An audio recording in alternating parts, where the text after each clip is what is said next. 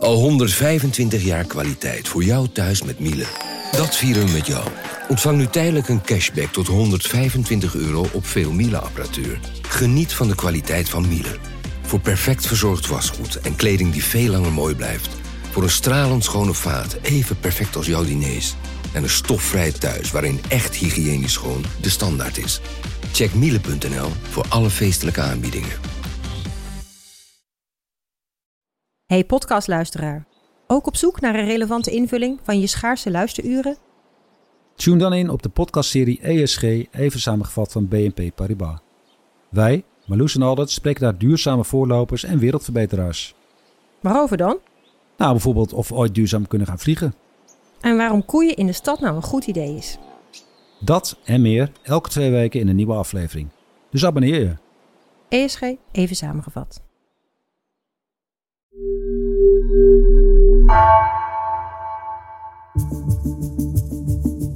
Vanaf de redactie van NRC het verhaal van vandaag.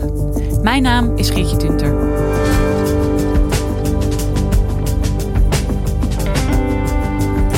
Vandaag is de laatste dag van Trumps presidentschap. Maar op sociale media is hij nu al niet meer te vinden. Kort na de bestorming van het Capitool namen Twitter, Google, Apple en Amazon vergaande maatregelen. Die leggen grote dilemma's bloot, ziet redacteur Wouter van Noord. Hoe moeten we omgaan met de macht van Big Tech en hun invloed op de democratie?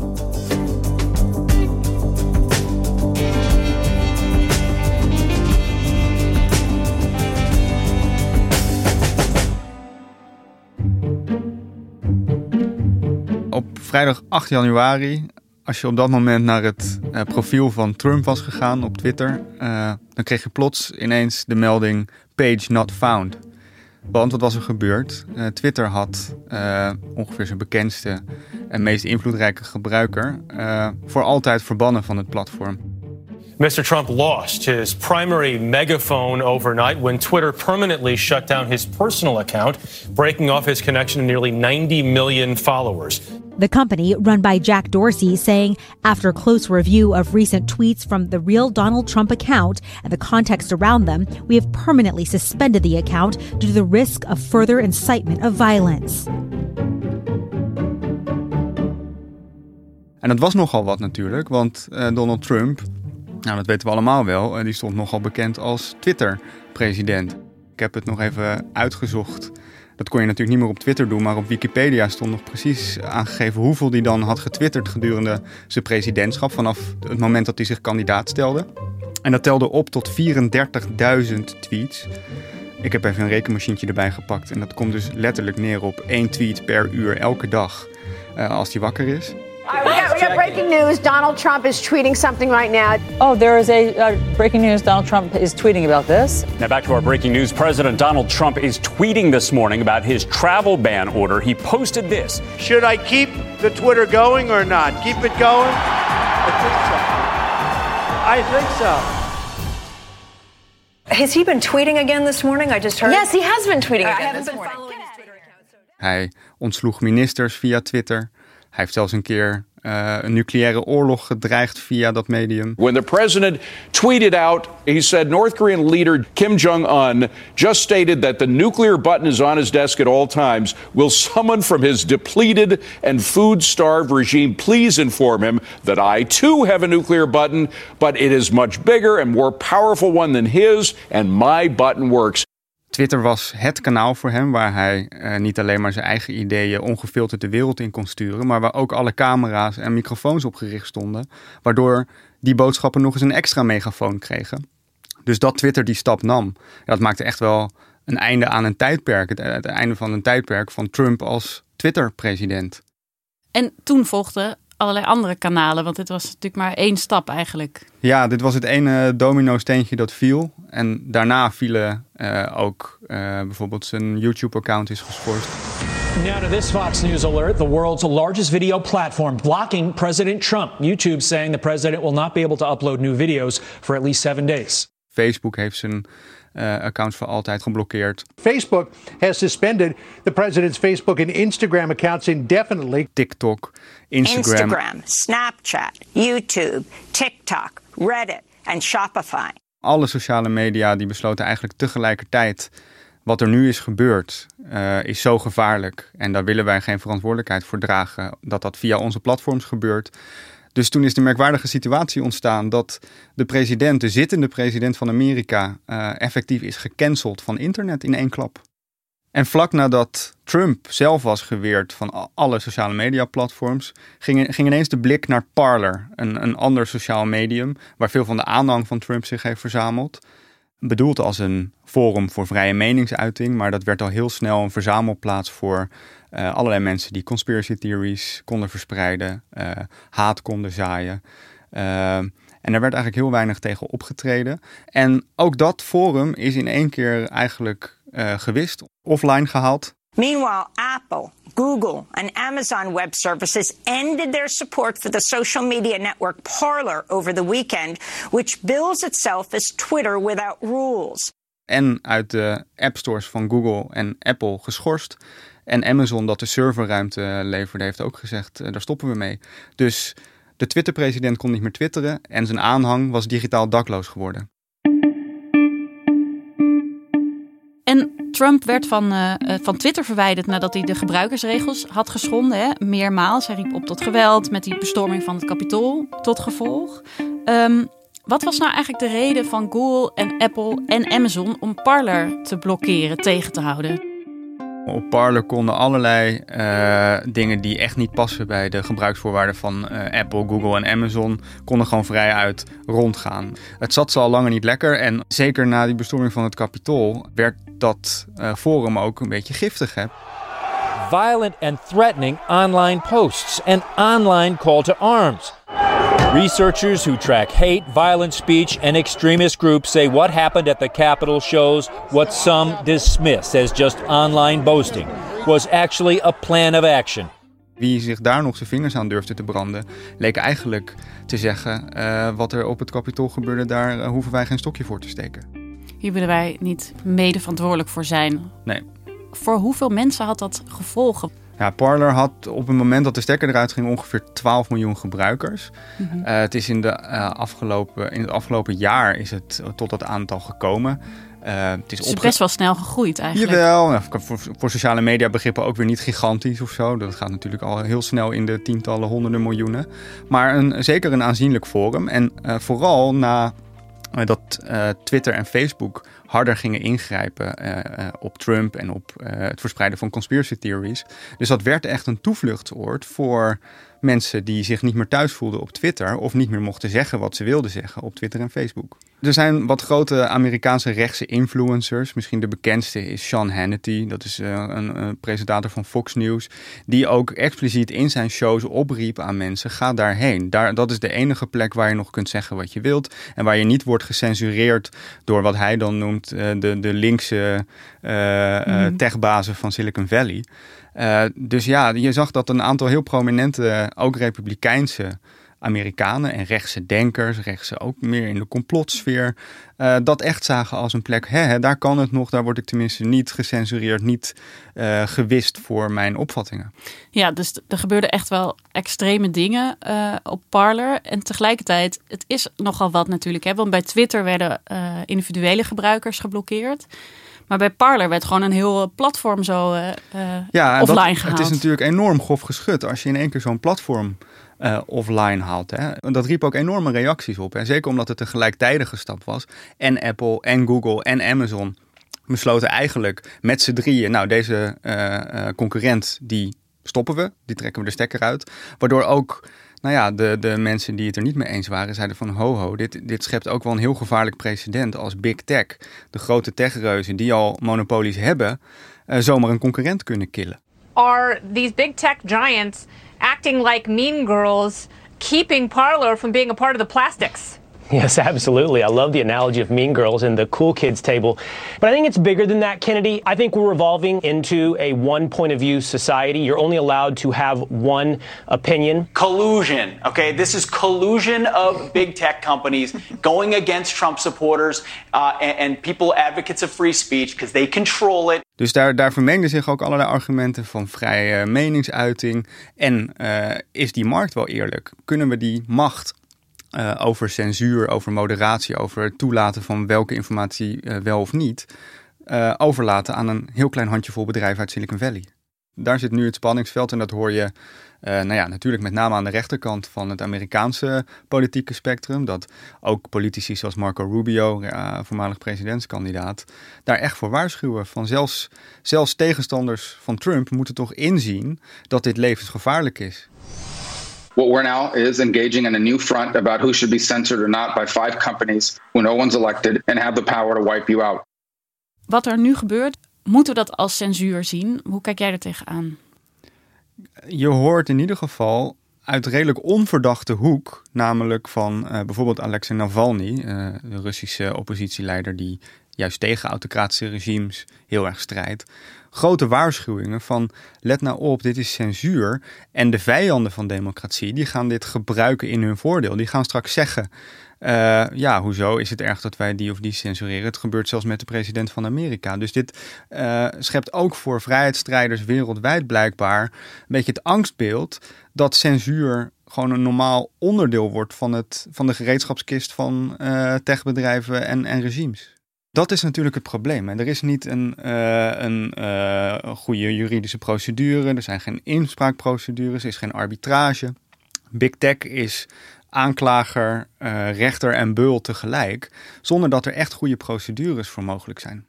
Maar aan de andere kant, um, het werd die bedrijven natuurlijk steeds verweten dat zij niks deden. Dat ze zeiden, ja, we zijn een platform, we hebben niet zoveel te maken met de inhoud. En, uh... Wij zijn een neutraal doorgeefluik, dat was Ja. heel lang uh, hun positie. Precies. En dat was al behoorlijk onhoudbaar aan het worden. En de maatschappelijke roep om in te grijpen tegen desinformatie, haatzaaierij, die groeide de laatste tijd heel sterk. Um, en nu doen ze dat. En uh, dan hoor je ineens een bak met kritiek uitbarsten over ze doen het en ze, ze maken mensen monddood en ze hebben eigenlijk veel te veel macht. En dat lijkt een paradox, maar dat is het niet per se.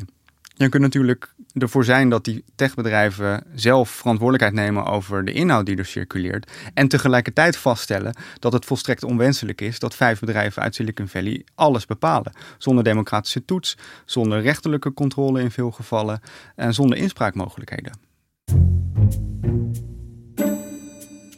Maar de vraag is dan natuurlijk, uh, ja, hoe wel? Hoe, hoe organiseer je dat dan op een manier die wel democratisch is? Ja, dat is de billion dollar question. En uh, het, het, het frustrerende en het cynische misschien ook wel, is dat er eigenlijk, dat die digitale democratie een update nodig heeft, dat is wel heel duidelijk. Alleen hoe die er moet uitzien, dat weten we eigenlijk nog niet. En er zijn wel wat aanzetten van ideeën. De baas van Twitter uh, speculeerde afgelopen week ook weer hardop over misschien het decentraliseren van dat netwerk. Dus in plaats van dat alle macht bij hem ligt, dat die misschien bij de gebruikers komt te liggen. En dat je dan met uh, stemrechtssystemen uh, zou kunnen bepalen wat wel en niet mag. Dat ze dan elkaar gaan jureren. Ja, dat zou misschien kunnen. Maar goed, uh, de manier waarop je je de vraag stelde, hoor ik ook wel van hoe ga je dat dan doen en in welke uh, reële gebruikservaring past dat dan? Uh, Facebook werkt uh, aan het echt opbouwen van een soort nieuw soort instituties. Uh, die zijn bezig met een, wat zij noemen, een, een soort digitaal hoge rechtshof. De Facebook Oversight Board, waar allemaal prominente oud-politici en mensenrechtenactivisten zitten. Die moeten oordelen over zaken van censuur en, en democratie. maar ook dat soort instituties staat eigenlijk nog heel erg in zijn kinderschoenen. Je ziet in de Europese Unie dat we heel erg gaan proberen met regels daar paal en perk aan te stellen. Er ligt nu een heel groot pakket in, de Europese, in het Europese parlement om de macht van techreuzen aan banden te leggen en ze ook verantwoordelijker te maken voor de inhoud. Now we have such an increase in the online traffic that we need to make rules that put order into chaos. And, and that is what the Digital Service Act uh, is all about. Because a safe digital space is one that protects users from illegal and harmful content while preserving the freedom of expression. And that is the very important balance that we have been keeping. De nieuwe instituties voor uh, die digitale democratie die bestaan eigenlijk nog niet, terwijl de huidige niet goed functioneren. Ja, en het liefst zou je dan misschien zien dat rechters zich hierover uh, kunnen buigen. Kijk, er zijn natuurlijk wel wat mogelijkheden om dit met uh, rechters op te vangen. Uh, a few breaking stories this past hour. Parler will sue Amazon alleging collusion and shutting it down in order to create a monopoly with Twitter. Uh, we'll see where that lawsuit goes. Het interessante nu is dat uh, Parler heeft uh, de beslissing van Amazon aangevochten bij de rechter. En dat zorgt ervoor dat er ook allerlei details nu naar boven komen van oké, wat zijn nou de redenen waarom Amazon uh, Parler heeft uh, verbannen? En dan blijkt dus al dat maandenlang allerlei haatzaaierij, doodsbedreigingen van zowel politici als bazen van big tech, als voor zwarte personen, echt behoorlijk heftige dingen die daar al maandenlang eigenlijk ongehinderd konden circuleren. En daaruit blijkt dus ook dat Amazon die stap niet heel lichtzinnig heeft genomen. En dat er wel degelijk een groot probleem was met dat forum. Maar goed, alsnog uh, kun je natuurlijk zeggen dat het uh, wringt dat zo'n grote techreus in zijn eentje dat kan bepalen. Ja, dus je zou liever willen dat, dat, nou ja, zoals dit geval is het achteraf getoetst, maar dat dit soort regels op de een of andere manier democratisch tot stand komen. Ja, of in ieder geval dat het uh, past binnen de snelheid ook van internet. En dat is natuurlijk ook zo. Dat uh, deze stappen die zijn nu ongeveer in real time genomen. En zelfs een spoedprocedure bij een rechter, ja, daar gaat toch weer een paar dagen of een week overheen. En dan is het, is het kwaad al geschied als je het kwaad vindt. Dus die, uh, die toetsen, die lopen niet gelijk op meer met de macht van die techreuzen. Het zijn uh, instituten geworden die machtiger zijn dan staten, machtiger zijn dan de Europese Unie. En daarom groeit ook de roep op overheden om deze bedrijven in te snoeren, misschien wel op te knippen.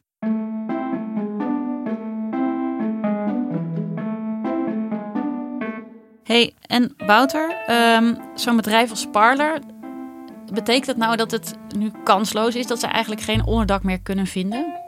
Nou, het is wel heel moeilijk gemaakt als jij in de twee grootste uh, appwinkels van de wereld, die gezamenlijk bijna de hele smartphone-markt beheersen, niet je app mag aanbieden, wordt het al lastig. En als dan ook nog de meest dominante speler in uh, clouddiensten zegt, je, wij verhuren jou geen serverruimte meer, dan gaat de stekker er definitief uit. Some news about the so-called conservative Twitter platform Parler. The CEO now saying his social media app may not return at all after being shut down. In Amerika, dat is een hele mooie term waar eigenlijk niet zo'n goede Nederlandse vertaling voor is, heb je een verschil tussen freedom of speech en freedom of reach. Dus aan de ene kant uh, de freedom of speech, daarvan zou je kunnen zeggen, misschien bestaat die zelfs nog wel voor, voor platforms zoals Parler. Want ze kunnen gewoon nog op een obscuur servertje zelf dingen hosten. Alleen die reach, het bereik, daarin zijn ze nu zodanig beknot dat het bijna niets meer uh, kan voorstellen.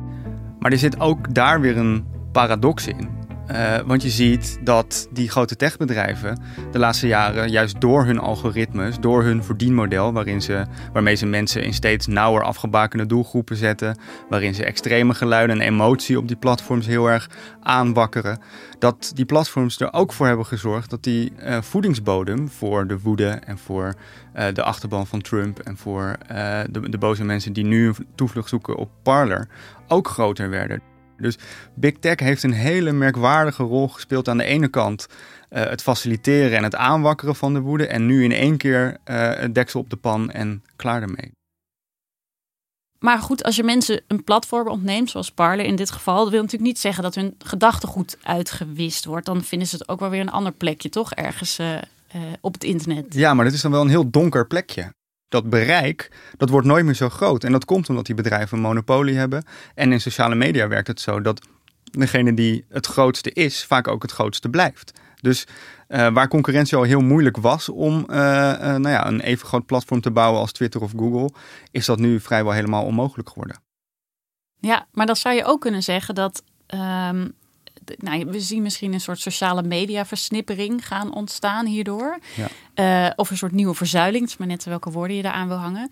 Dat zou dan misschien ook wel positieve effecten kunnen hebben als ik jou zo hoor. Want die grote media die, die, die stoken het vuurtje ja, tot nu toe alleen nog maar op. Er is wel een belangrijk verschil met de verzuiling van vroeger en de verzuiling van nu. Iedereen heeft nu zijn eigen werkelijkheid en zijn eigen bubbeltje. En die eigen bubbeltjes die praten niet meer met elkaar. Er is niet, meer, dit is niet eens meer overeenstemming over wat de waarheid is of wat, wat, wat gedeelde feiten zijn. Terwijl vroeger in de verzuiling praten de mensen aan de toppen van die zuilen, de mensen die hier het land bestuurden, de school besturen, dat soort mensen, die praten met elkaar. En er was nog iets van uitwisseling. En waar sociale media tot nu toe heel erg toe leiden, is dat die zuilen uh, totaal van elkaar afgeschermd zijn, steeds extremer worden en eigenlijk helemaal niks meer met elkaar te maken willen hebben. Om toch nog iets, iets optimistisch te zeggen. Kijk, deze problemen zijn niet nieuw. Die zijn niet van gisteren. Die broeien al jaren. En in ieder geval heeft uh, Donald Trump met zijn Twitter-presidentschap ervoor gezorgd dat die problemen uh, volle bak aan de oppervlakte zijn gekomen. Dat polarisering een probleem is, dat desinformatie een probleem is. Uh, dat zien we nu allemaal gebeuren voor onze ogen. Dus is het ook de hoop dat we aan de slag kunnen met het oplossen ervan. Nou, dan kunnen we daar in ieder geval nog dankbaar voor zijn. Dankjewel, Wouter. Graag gedaan.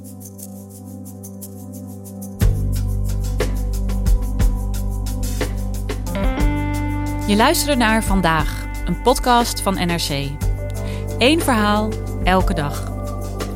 Ken je onze NRC Audio-app trouwens al? Hierin luister je niet alleen naar vandaag, maar helpen we je ook andere podcasts te ontdekken. Deze aflevering werd gemaakt door Felicia Alberding, Ido Havinga en Astrid Cornelissen. Chef van de audioredactie is Anne Moraal. Dit was vandaag, morgen weer.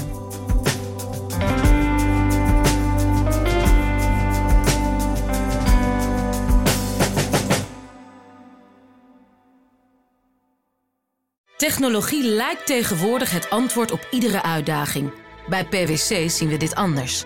Als we de potentie van technologie willen benutten, kunnen we niet zonder een menselijk perspectief. Human-led, tech-powered noemen we dat. Ga naar pwc.nl.